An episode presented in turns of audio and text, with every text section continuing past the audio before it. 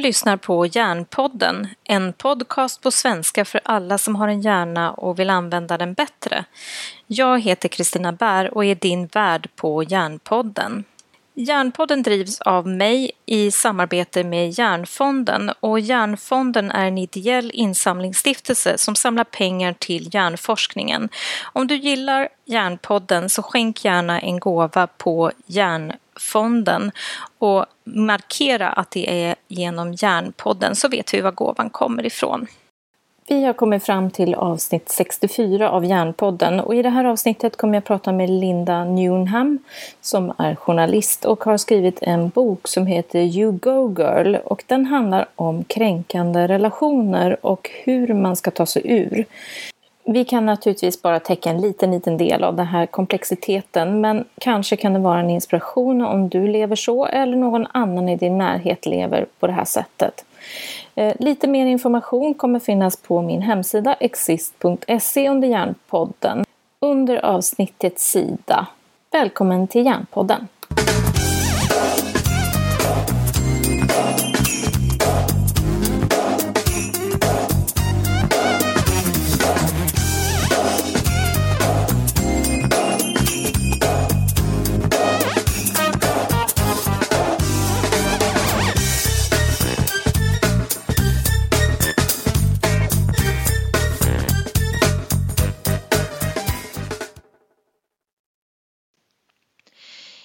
Hej och välkommen till Hjärnpodden. Idag har jag med mig en spännande gäst som heter Linda Newnham och vi ska prata om någonting som är rätt komplicerat skulle jag vilja säga som eh, handlar om kränkande relationer.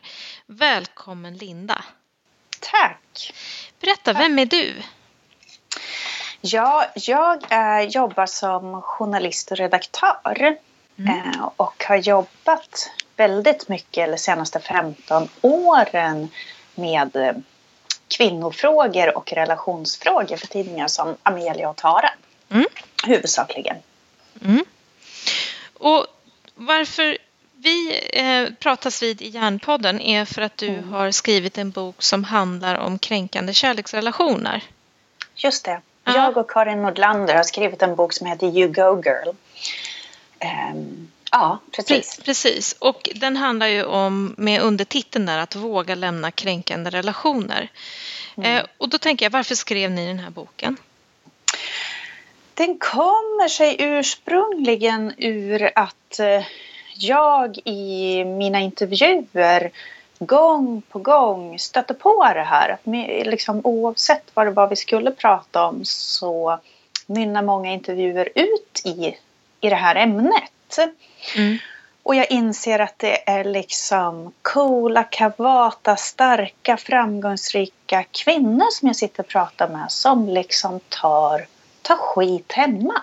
Um, och det var där jag började pussla och, och, tänka för många år sedan, vad är det det här handlar om? Mm. Uh, så, för det handlar ju inte om att de är osmarta eller inte förstår bättre. Utan mm. det, här, det här är liksom ganska djupt djupa mönster och spår och programmeringar. Mm, systemfel liksom? Någonstans. Ja, lite. Lite mm. så. Mm. Som sagt var. Och det var därför jag ville skriva en bok om det här. För det finns en hel del material om hur många som blir slagna. Det finns en hel del material om liksom, det här ska du göra för att lämna. Men det finns ganska lite material om att just det här förstå sig själv så att man också för man är ju inte liksom dömd att leva på det här sättet och ha de här relationerna. Utan förstå sig själv så att man också kan skriva om sina mönster och välja annorlunda. Mm, just det. Eh, och det tänker jag, vi har varit inne på det i andra sammanhang i Hjärnpodden, det här med när vi har pratat om eh, terapi bland annat med Kerstin ja. Nyström. Då pratar ja. vi om det här och då utifrån ett arbetsperspektiv till exempel när man går in med det lilla barnet i sig själv och eh, inte kan hålla sina gränser. Men det här är också samma sak, man kan inte mm. hålla sin gräns.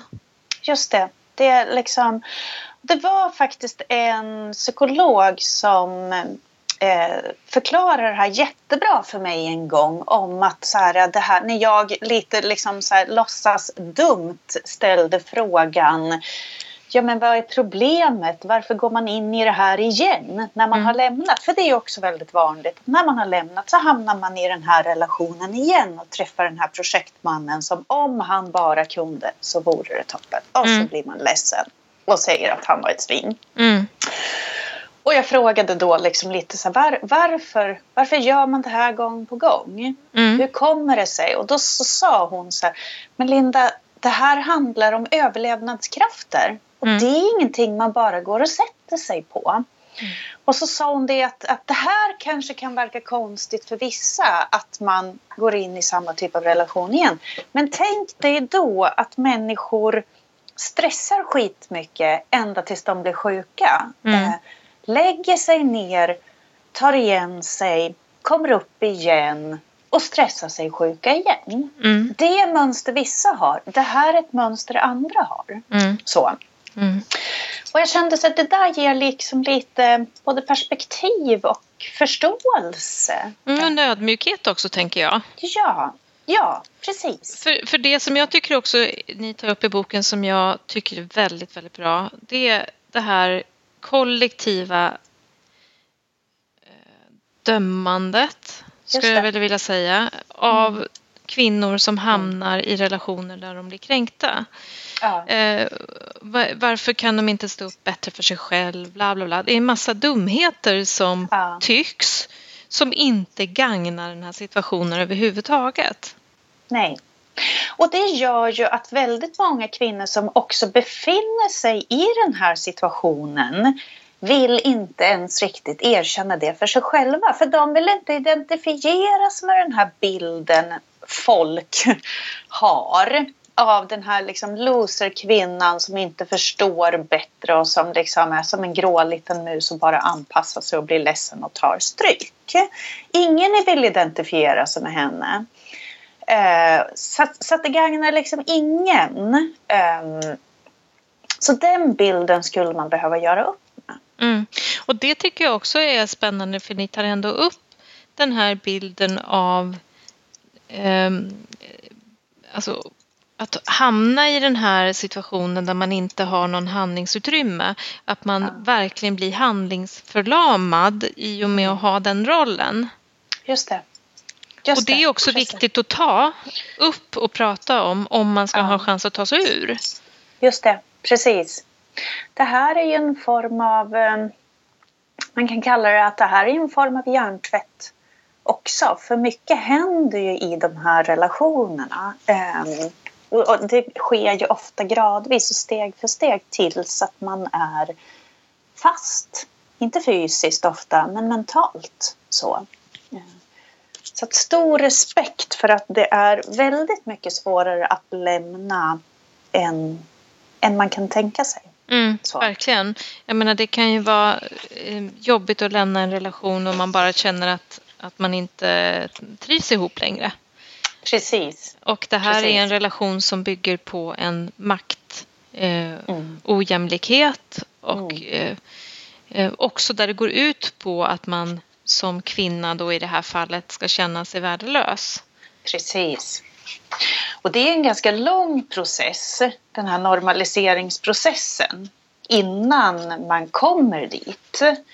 Eh, och det finns ju många olika varianter på det här. Därför att det är sällan som så att man går på dejt med en man och han lappar till en första, första gången. Eh, och man tänker så här, åh den här superkillen ska jag vara ihop med. Det är liksom inte så det sker, det är inte så det går till. Ehm, utan väldigt ofta så, eh, så är det ju som så att det här är en ganska långsam process.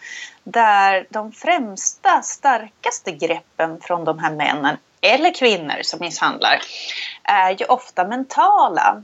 Eh, och det där liksom första slaget kommer kanske när man redan redan är fast om man ska uttrycka det så. Redan är mentalt manipulerad. Man har tappat lite av sitt jag och lite av sin självkänsla.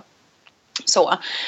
Eh, därför att som sagt de psykolo den psykologiska misshandeln den är ju ofta både starkare och mer lurig. Den är svårare att sätta fingret på för man kanske tänker så här, ja men jag var inte så schysst i det här eh, grälet jag heller. Eller ja, men han kanske har rätt i att om jag inte bara hade gjort så här. Jo, men det är kanske mitt fel. Mm. Det kan ju liksom vara lögner och crazy making och liksom det här med att han gör ner dig inför andra. Mm. Ända tills du börjar tro på på sådana här saker själv. Mm, precis, ja, men jag är värd att bli behandlad så här offentligt. Ja, precis, typ. precis. Du börjar mm. tvivla på dig själv och din egen mm. eh, självkänsla. Mm. Så. så om man nu, när man lyssnar på det här, har förstått att det kanske är det här man lever i eller man har en väninna som lever så här eller någon annan ja. som lever på det här sättet mm. som man känner. Mm. Hur sjutton ska man göra för att ta sig ur en sån här destruktiv relation? Ja, alltså den första grej, den absolut första grejen man ska göra det är att liksom försöka ändå gå in i magkänslan och tänka eh, känns det fel? Ja, men då är det fel. Och faktiskt våga respektera det. Och det här är ju precis som du säger, det här är lättare sagt än gjort. Det här liksom finns i många relationer. Eh, vilket inte innebär automatiskt att det är en misshandelsrelation. Men det är liksom ett tecken som du ska försöka lyssna på. Eh, inte lura dig själv. Eh, och tro att så här, det kommer nog att bli bättre. Eh, för det kommer det inte att bli. Och en, ett annat vanlig grej som man brukar säga till sig själv är att här, absolut, jag ska gå, jag ska bara bli lite starkare först. Mm. Eller jag ska bara låta barnen växa upp först. Eller? Precis. Och då kan man ju säga just det här att nej men, den, här, den här relationen går ut på att bryta ner dig. Så att du kommer aldrig att bli starkare eh, ju längre du stannar. Det kommer liksom inte att ske. Det ligger i sakens natur. Eh, och, och ja, du kanske liksom inte är stor och stark och kaxig och just nu och känner att du har inte alla bitar på plats. Men om det på riktigt är en misshandelsrelation du befinner dig i så ska du ändå ta dig ur. Och det liksom finns hjälp att få och du kommer vara förvånad över liksom den kraft som strömmar till när du väl kommer ur det. Ehm, och den andra grejen är ju att liksom vad det gäller barnen så är det ju som så att där är det ju extra viktigt eh, att du går. Därför att barnen du har, liksom, du har ett val men barnen har inte det och de har första prioritet. Men barnen kan liksom inte säga jag skiter i er, jag går härifrån. För de är helt i händerna på er.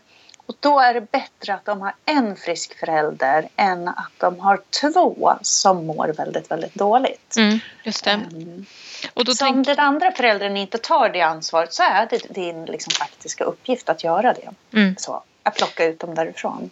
Just det, och jag tänker också vad, vad gör det med ett barn som får se misshandel i sitt hem? Hur ger mm. det en bild av en relation mm. i vuxenlivet? Ja, det är ju tyvärr att många som fastnar i det här har ju själva upplevt det någon gång. Ehm, eller tvivlat på att ens föräldrar älskar en. För ofta finns det i de här relationerna, precis som det finns i andra former av medberoende, just den här, liksom det här fokuset på att om jag bara anpassar mig till den andra vuxna, att jag anpassar mig till partnern och barnen hamnar lite i skymundan. Därför att den vuxna tänker att om jag bara gör det här så kommer det att bli bra och sen blir vi alla glada. Och då kan jag fokusera mer på barnen. Bara det att det händer ju liksom inte. Så att barn här blir ju ganska, kan bli ganska åsidosatta och de tar ju också såklart stryk. De ser. De är ju som små seismologer. De ser och de känner och de uppfattar vad som pågår. Så. Men du, en sak som jag undrar över. Eh, mm. Vet man någonting om vad som gör att männen blir så här? Liksom, eller är det så här? Vad är det som gör att, att det går igång? För jag har en känsla av att mm. många kvinnor tror att det beror på dem. Ja, just det. Precis. Eh, och det, det gör det ju inte. Det är ju aldrig, aldrig, aldrig ditt fel att en man slår dig. Eh, eller är taskig, eller bryter ner dig, eller undanhåller pengar. Alltså, det är ju aldrig ditt fel. Um, det handlar ju inte om dig, det handlar ju om någon form av trasighet i honom. För han kommer ju också någonstans ifrån. Och det ska man ju vara medveten Han kommer någonstans ifrån och han har saker och ting med sig i bagaget som gör att han hellre än hanterar sina känslor på liksom mer konstruktiva sätt Eh, bete sig på det här sättet. Men det är väl liksom lite det vi vill säga i och med den här boken. För, för det kan ju vara kontroversiellt att man då säger så här, jaha vadå, är det liksom han slår och nu är det vi kvinnor som ska börja kolla på oss själva och ta oss härifrån. Liksom. Är det här också vårt ansvar? Så. Nu liksom, ja, inte nog med att vi inte ska ha korta kjolar så att vi inte blir våldtagna. Är det här också våran grej? Eh, och så är det ju såklart inte. Det finns liksom noll millimeters försvar för att den här mannen slår. Eh, men som sagt han kommer någonstans ifrån och det enda, enda, enda du kan veta är att du kan förändra dig själv och ditt liv. Du kan aldrig förändra honom. Och det är liksom en slags grundinsikt i det här och det är därför den här boken fokuserar mycket på dig. Mm. Liksom. Just det. Så. Så. det här handlar egentligen, er bok handlar mer om att se till att kraftsätta kvinnan som lever i en ja. kraftlös situation. Ja, precis. Precis så. Mm. Uh, att, hon, liksom att försöka förändra honom det är troligen ett ganska hopplöst projekt. Mm, det är ett dödsdömt ut, eh, projekt låter det som. Sisyfos-arbete brukar man mm. kalla det, när man ska ja. rulla en sten upp för en brant. Ja, precis. Ja. Precis. Ja. Så.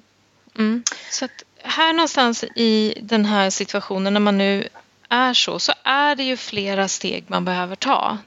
Två har vi varit inne på, men när man väl mm. har fått eh, hjälpen eh, kanske hos någon organisation eller någon annanstans. Mm. Mm. Vad, vad, vilka ska man vända sig till liksom? Du menar innan man har tagit sig ja. ur det eller efter man har tagit sig ur ja, det? innan man har tagit sig ur det. Hur mm. gör man liksom? Mm. Har, har du mm. pratat med någon som har liksom... Ja, det, för det första är det ju som så att det är bra att överhuvudtaget börja prata med andra. Mm. Därför att under den här, en del av den här typen av relationer är att man liksom isoleras. Mm. Eh, den här mannen vill ju jättegärna att du ska ha färre färre kontakter så att du, som du kan spegla dig mot. Mm. Så att har man på riktigt varit inne i en eh, misshandelsrelation så är man ofta ganska isolerad och ensam och man har slutat prata om hur man faktiskt har, kanske för att man skäms mm. eh, och för att han blir arg om man gör det och för att man tycker att ja men vissa delar av det här är ju också mitt fel. Mm. Eh, så en av de första sakerna man ska göra det är att faktiskt ändå ta kontakt med några människor. Det kan hända att ni det kan vara en kollega, det kan vara dina föräldrar, det kan vara en vän som du hade mycket kontakt med tidigare som du liksom litar på. Mm. Eh, och börja säga att så här ser det faktiskt ut för mig. Mm. Eh, det är inte så roligt och jag funderar på att gå härifrån. För mm. människor kommer att höra vad du säger. Många kommer inte ens att bli förvånade. Eh, och om det en dag skulle bli som så att, det, att, liksom, att läget blir allvarligt. Eh, då har du också fler vittnen Eh, på att saker och ting har skett. Eh, när du har faktiskt berättat det för fler personer. Så liksom börja öppna upp. Det är ändå steg ett. Ta kontakt med andra. Eh, säg att liksom någon dag kanske jag kommer, kan jag få hjälp? Eh, finns det någon liksom slags eh, backup du kan ha? Där du liksom säger att liksom, jag har det jobbigt nu, är det okej okay om jag kan få komma och sova hos dig om det krisar? Eller om jag ringer dig mitt i natten. Eh, kanske kan du få låna en extra nyckel mm. eller så. Just det, så man inte blir hänvisad till Eh, en massa ursäkter. Nej, det går inte. Jag kan inte. Jag har ingenstans att sova. var ska jag då ta vägen och så vidare. Mm.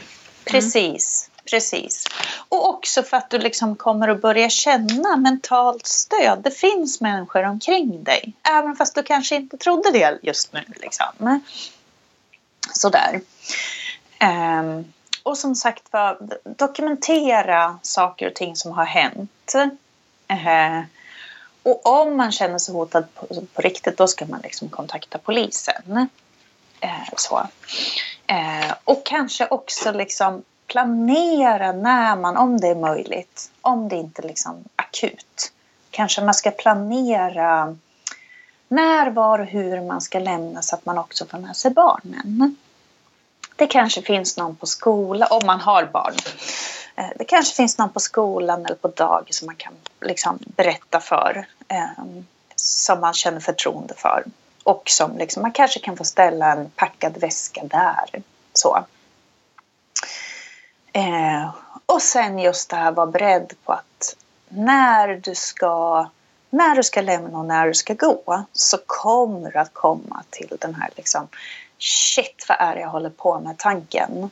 Eh, borde jag verkligen? Och den liksom eh, det, det händer alla. Mm. Hur så. kommer man över den då?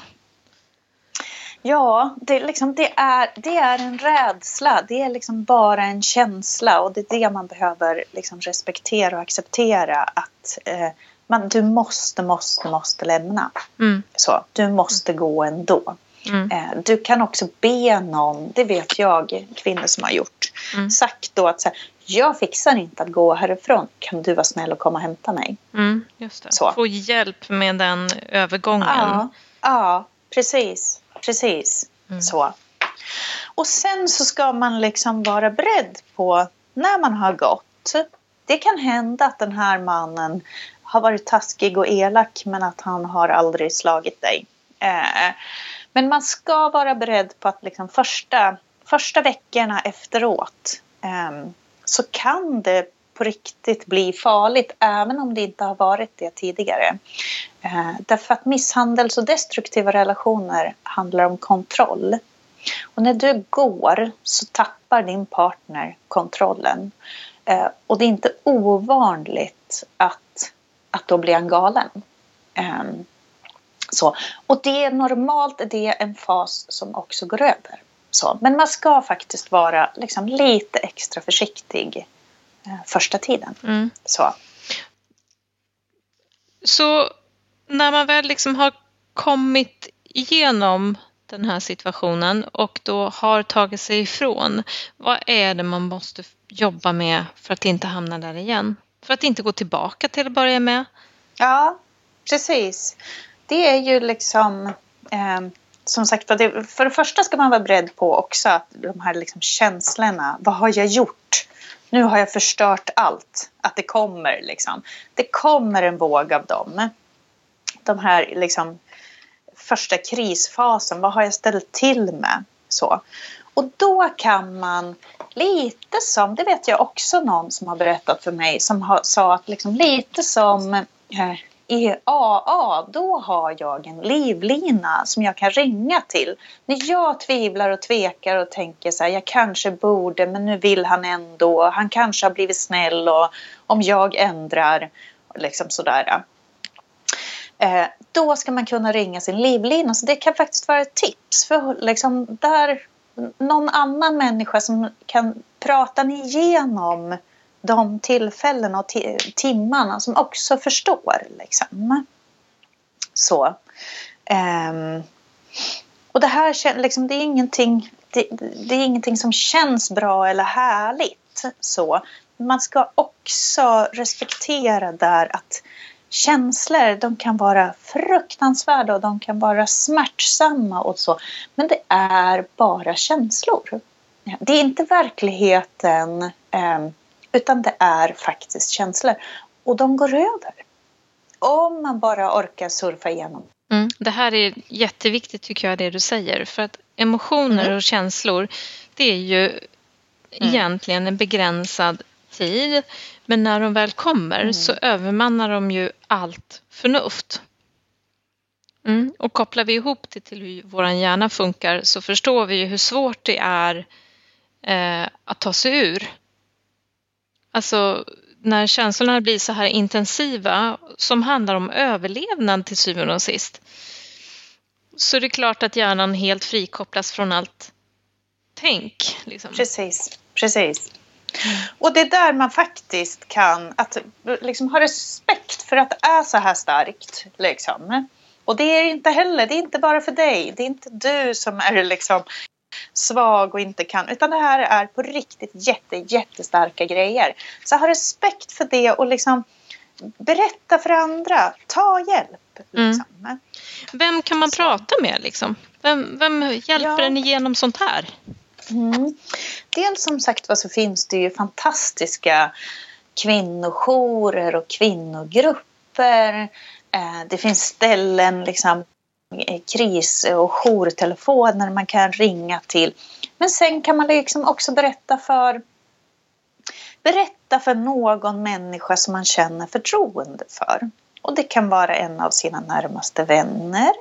Eller det kan vara en kollega som man känner så men du fattar. Du läser in det här, du förstår. Du respekterar att det här faktiskt är svårt. Du kommer inte att säga äsch, det kommer nog bli bra. Liksom. Så. Och, och, då tänker jag så här, när man väl har tagit sig ur den här, om, här omstruktureringen av sitt liv. Det är ju inte någonting som går på en kvart utan det här kan ju ta ett par år eller så för att man ska få en fason på sitt liv och göra andra val mm. så småningom. Ja, precis. Precis så. Och det känns det var... ju som att det behöver man ju ganska mycket stöd i, ganska mm. strategiskt för att man ska orka ja. det. Ja. Eh, har man möjligheten så är det fantastiskt att faktiskt gå till i någon form av terapi.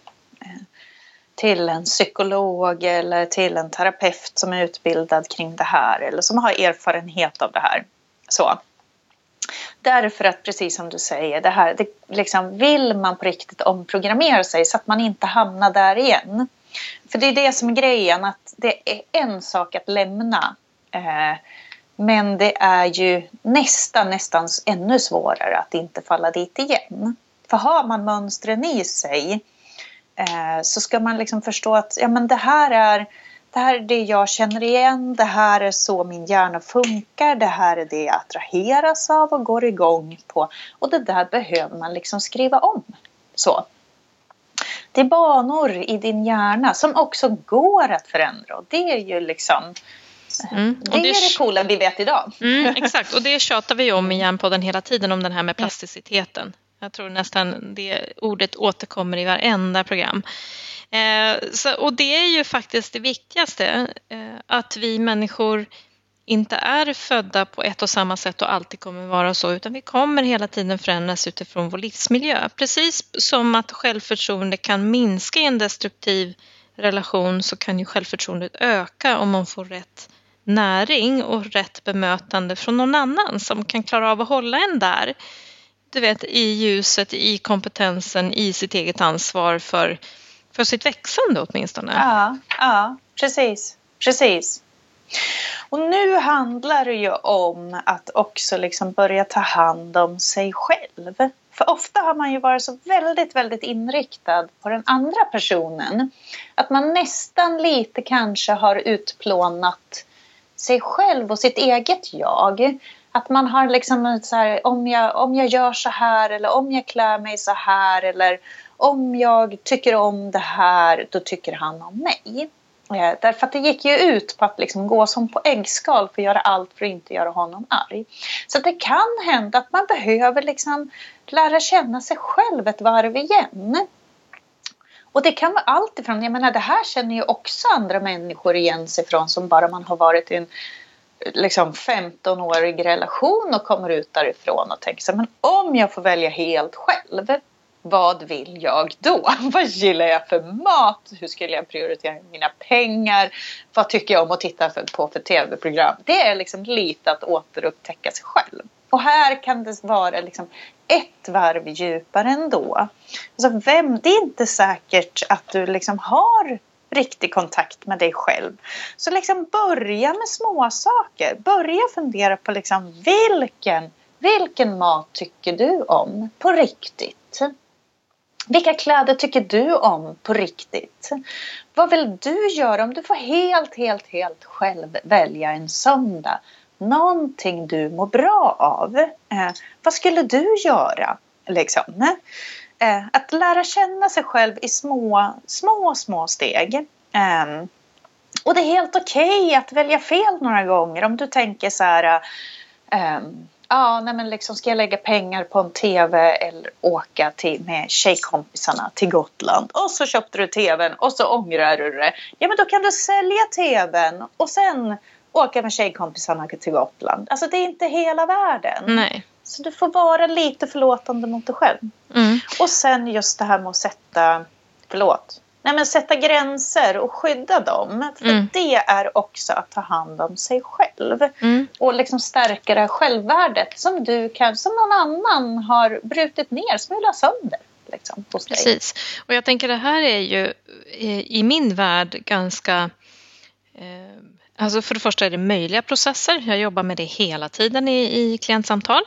Hela tiden, fast inte i, i den här formen, inte med det här syftet. Utan jag jobbar ju i helt andra situationer. Men jag jobbar ju med att ändra mönster, att sätta egna gränser, ta eget ansvar, få bättre självförtroende, få, få liksom en insikt om sig själv och omgivningen och kunna mentalisera bättre och analysera situationen. Så, så det vet vi ju är ju möjligt. Men jag tror när man är i situationen, när man är i en destruktiv, destruktiv relation, så är det så ouppnåeligt. Just det. Ja, Så- precis. Så då behöver man också se att det är faktiskt möjligt att ha ett helt annat förhållningssätt både till livet och sig själv. Att Ja, man ska ha ja. sitt eget värde igen. Vad brukar du tipsa folk om att göra då? Ja, jag tänker ju att, att det första är ju att man måste erkänna att man är livrädd. Mm, just det. Alltså utan Just rädsla så kan man inte vara modig. Nej, precis. Just det. Precis.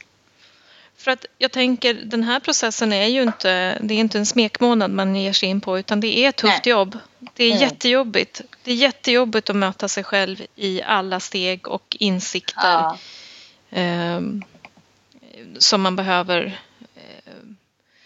Mm. ja, möta hos sig själv. Hur kan jag ha hamnat här? Hur kan jag som är en Ja. kompetent tänkande person eller en omtänksam person ha hamnat i det här med att Ja. jag utplånat mig själv till exempel? Just det. Precis. Precis. Det är ju många som... Det, och det där kommer ju ofta komma upp i ganska många varv. Hur Mm. kunde jag? Mm, Liksom. mm. Eh, Och det tänker jag är ju inte helt ovanligt att jag möter även hos ledare och chefer, att de utplånar sig själv. Det kan ju vara ett mönster som man har, att man utplånar Mm. sig själv och du vet, "Nej, det går snabbare Ja. om jag gör det här. Ja, precis. Ja, Precis. Det, så, så där kan man ju se att, att man kan ha det här beteendet både som, som Mm. eh, yrkesperson och som människa. Ja. Ehm, Och, och att du har liksom intalat en väldigt massa saker. Så du kommer ju kanske att liksom tänka de här tankarna. Så här, det kommer ändå inte att funka. Varför skulle jag klara av det här? Mm. Jag kommer säkert att misslyckas. Mm. Liksom så. Mm. Ehm, och alla de där... ehm, men det, det kan man ju faktiskt göra också. Att de här ältande tankarna som återkommer. Liksom, hitta på svar. Mm. Hitta på svar, precis den där svaren som du skulle tipsa en, en kompis mm, att tänka. Mm. Liksom. exakt. Att ja, men du kan ju precis lika gärna lyckas Mm, som att misslyckas. Mm. Varför inte? Och lite öva in dem därför att det är ju den här upprepningseffekt som gör att du faktiskt skriver om saker Mm. och ting i hjärnan. Liksom. Och tänker jag, ad, an, jag brukar säga det att man kan ju adoptera ett extra jag som sitter på Ja. axeln och alltid ställer frågan hur troligt är det där att det Just ska det. hända? Eller Just du vet, ställer de här uh, motfrågorna hela tiden. Ja. Ja. men hur troligt är det att det kommer hända? Hur, Precis. hur troligt är det att du är så värdelös? Mm. Mm. Eh, hela tiden ha det här nästan som ett alter ego. Du vet, som, Ja, ja som på något sätt hjälper till med de här Mm. stödfrågorna som man behöver i processen. Ja.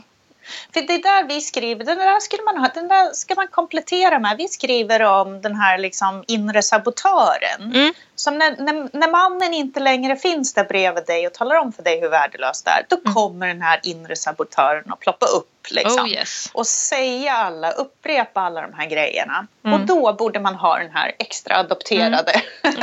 Personen på andra axeln, tänker mm. jag. Det är roligt att du säger det. Liksom. Därför att jag brukar säga att vi har alla i oss en liten mm. inre sabotör. Alla vi människor. Och det är ju för den där sabotören som vi ska ha den här alter egot som sitter och bråkar oavsett livssituation. Liksom. Men det som jag tänker som är viktigt i er bok är ju att det här är ju verkligen en situation på liv och död. Ja, man ska ha respekt för det. Ja. Faktiskt. Och att det är en process där man också kan behöva hjälp med att mm. få den här mm. uppsättningen av stödfrågor tills det sitter lika ja. automatiskt som man kör mm. bil. Liksom. Mm. Precis.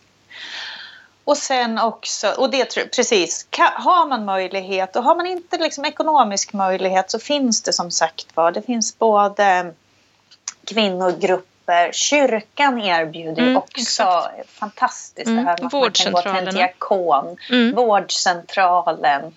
Men var då helt öppen när du går till vårdcentralen för att få hjälp. Var helt öppen med hur det ser ut och hur det är så att de mm. faktiskt fattar att det här behöver prioriteras. Mm, det, precis.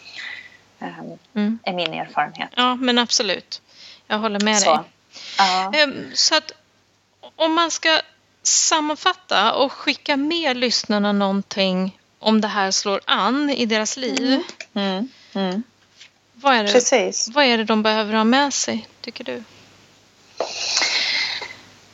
Att ditt liv är ditt ansvar, tänker jag. Det är liksom någon form av grundtanke och då kan man tänka så här, oj, jaha, vad jobbigt. Eller så kan man tänka så här, det är ju fantastiskt, vilken möjlighet. Um, om jag inte lägger ansvaret i någon annan människas händer så, för det här går ju att förändra. Det är liksom inte som att du har dragit någon slags nitlott i livet som säger att du ska träffa taskiga män. Eh, utan det bara ser ut så här just nu. Och det går att ändra på. Liksom. Eh, det, går, det finns liksom äkta kärlek för dig, för dig också. Och i alla fall ganska många säger ju där att liksom den äkta kärleken kanske man måste börja lära känna först i sig själv. Så. Ju, ju mer och ju mer genuin självkärleken blir desto lättare är det också att relatera till en, till en annan person. Mm. Ni skriver ju också det om det här med anknytningsmönster i boken och mm. det tycker jag är så mm. skönt när ni när ni också skriver att ja, men det går faktiskt att ändra anknytningsmönster senare i livet. Man kan få dem att läka. Om man nu har en, ett anknytningsmönster som är väldigt otryggt från början så kan man få det till att bli tryggt. Man kanske inte helt kan tvätta bort sina gamla erfarenheter och automatiska reaktioner men man kan åtminstone lära sig att hantera dem på ett vettigt sätt och göra kloka val. Ja. Man kan lära känna dem liksom. Och lite så här att, att om man, så länge jag tänker mig att jag behöver en partner för att vara lycklig så blir det ju lite som så att man lägger sin lycka i en annan människas händer. Men det man gör då är att man också lägger sin olycka där. Att sen när det inte är så himla passionerat och bra så är det som att så här, då det är kanske hans fel och han borde förändra för att det här ska bli, ska bli bättre. Liksom. Så att ju mer du kan liksom tillfredsställa ditt eget hål och din egen tomhet desto tryggare kommer det att bli och desto bättre relationer kommer du att få. Precis, Så. precis. Um, och jag tänker ju att vi människor är ju här på jorden för att vara till för varandra. Men mm. det är inte på bekostnad av oss själva. Nej, just det. Precis. Precis. För att om vi inte mår bra själva så kan vi inte heller finnas till för någon annan. Nej. Så att här tänker jag är en, en, en liksom mm. viktig diskrepans. Man vill vara snäll, man vill vara hygglig, man vill finnas ja. till för andra. Fine, gärna för mig, mm. men inte på bekostnad av en själv. Nej, just det. Och så att man utplånar sig själv, då är mm. det någonting galet. Mm. Då är det någonting galet och då kommer det inte vara sig vara bra för dig själv eller vara en bra partner eller vän. Eller liksom. Precis, exakt. Nej, men så är det ju. Det är hela tiden den där tanka energin åt sig själv också. Så, uh, jag pratade med Mia Törnblom om det häromdagen. Mm. Där hon just sa just det här med att liksom, uh, hon har skrivit en bok nu om att ta plats i sitt eget liv. Och då pratade jag om att så här, men det finns ju vissa som då kan tycka att det är egoistiskt att ta plats eh, i sitt eget liv. Och då så sa hon så här, nej det är precis tvärtom. Det är egoistiskt att inte göra det. Därför att fyller du inte på det där liksom, må bra-kontot så är ju risken stor att du, att du blir bitter vilket drabbar andra. Eller att du liksom, är du för egocentrerad så då lyssnar du inte riktigt på andra utan då sitter du där och funderar så här, ja men hur ska jag svara på det här och hur ska jag göra och så.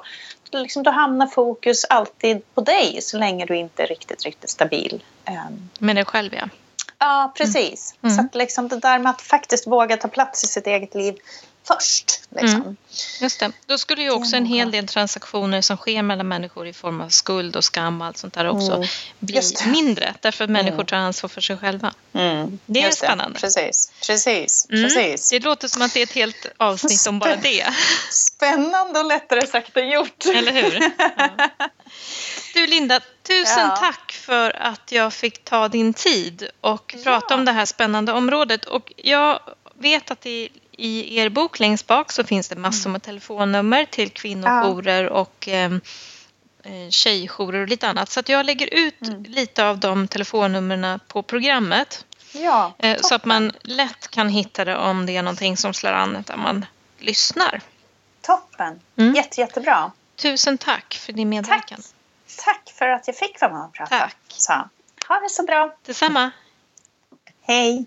Du har lyssnat på 64 avsnittet av Järnpodden och intervjun var med Linda Newnham. Vill du ha kontakt med mig efter avsnittet så är det lättast att mejla till kontakt jarnpodden.se. Och som vanligt lägger jag ut lite information på hemsidan exist.se under Järnpodden eh, som rör avsnittet. Bland annat kommer jag lägga ut lite telefonnummer till kvinnojourer och annat användbart på hemsidan. Titta gärna in på Hjärnfondens hemsida och lämna ett bidrag eh, och märk din gåva med Hjärnpodden. Vi hörs snart igen i Hjärnpodden.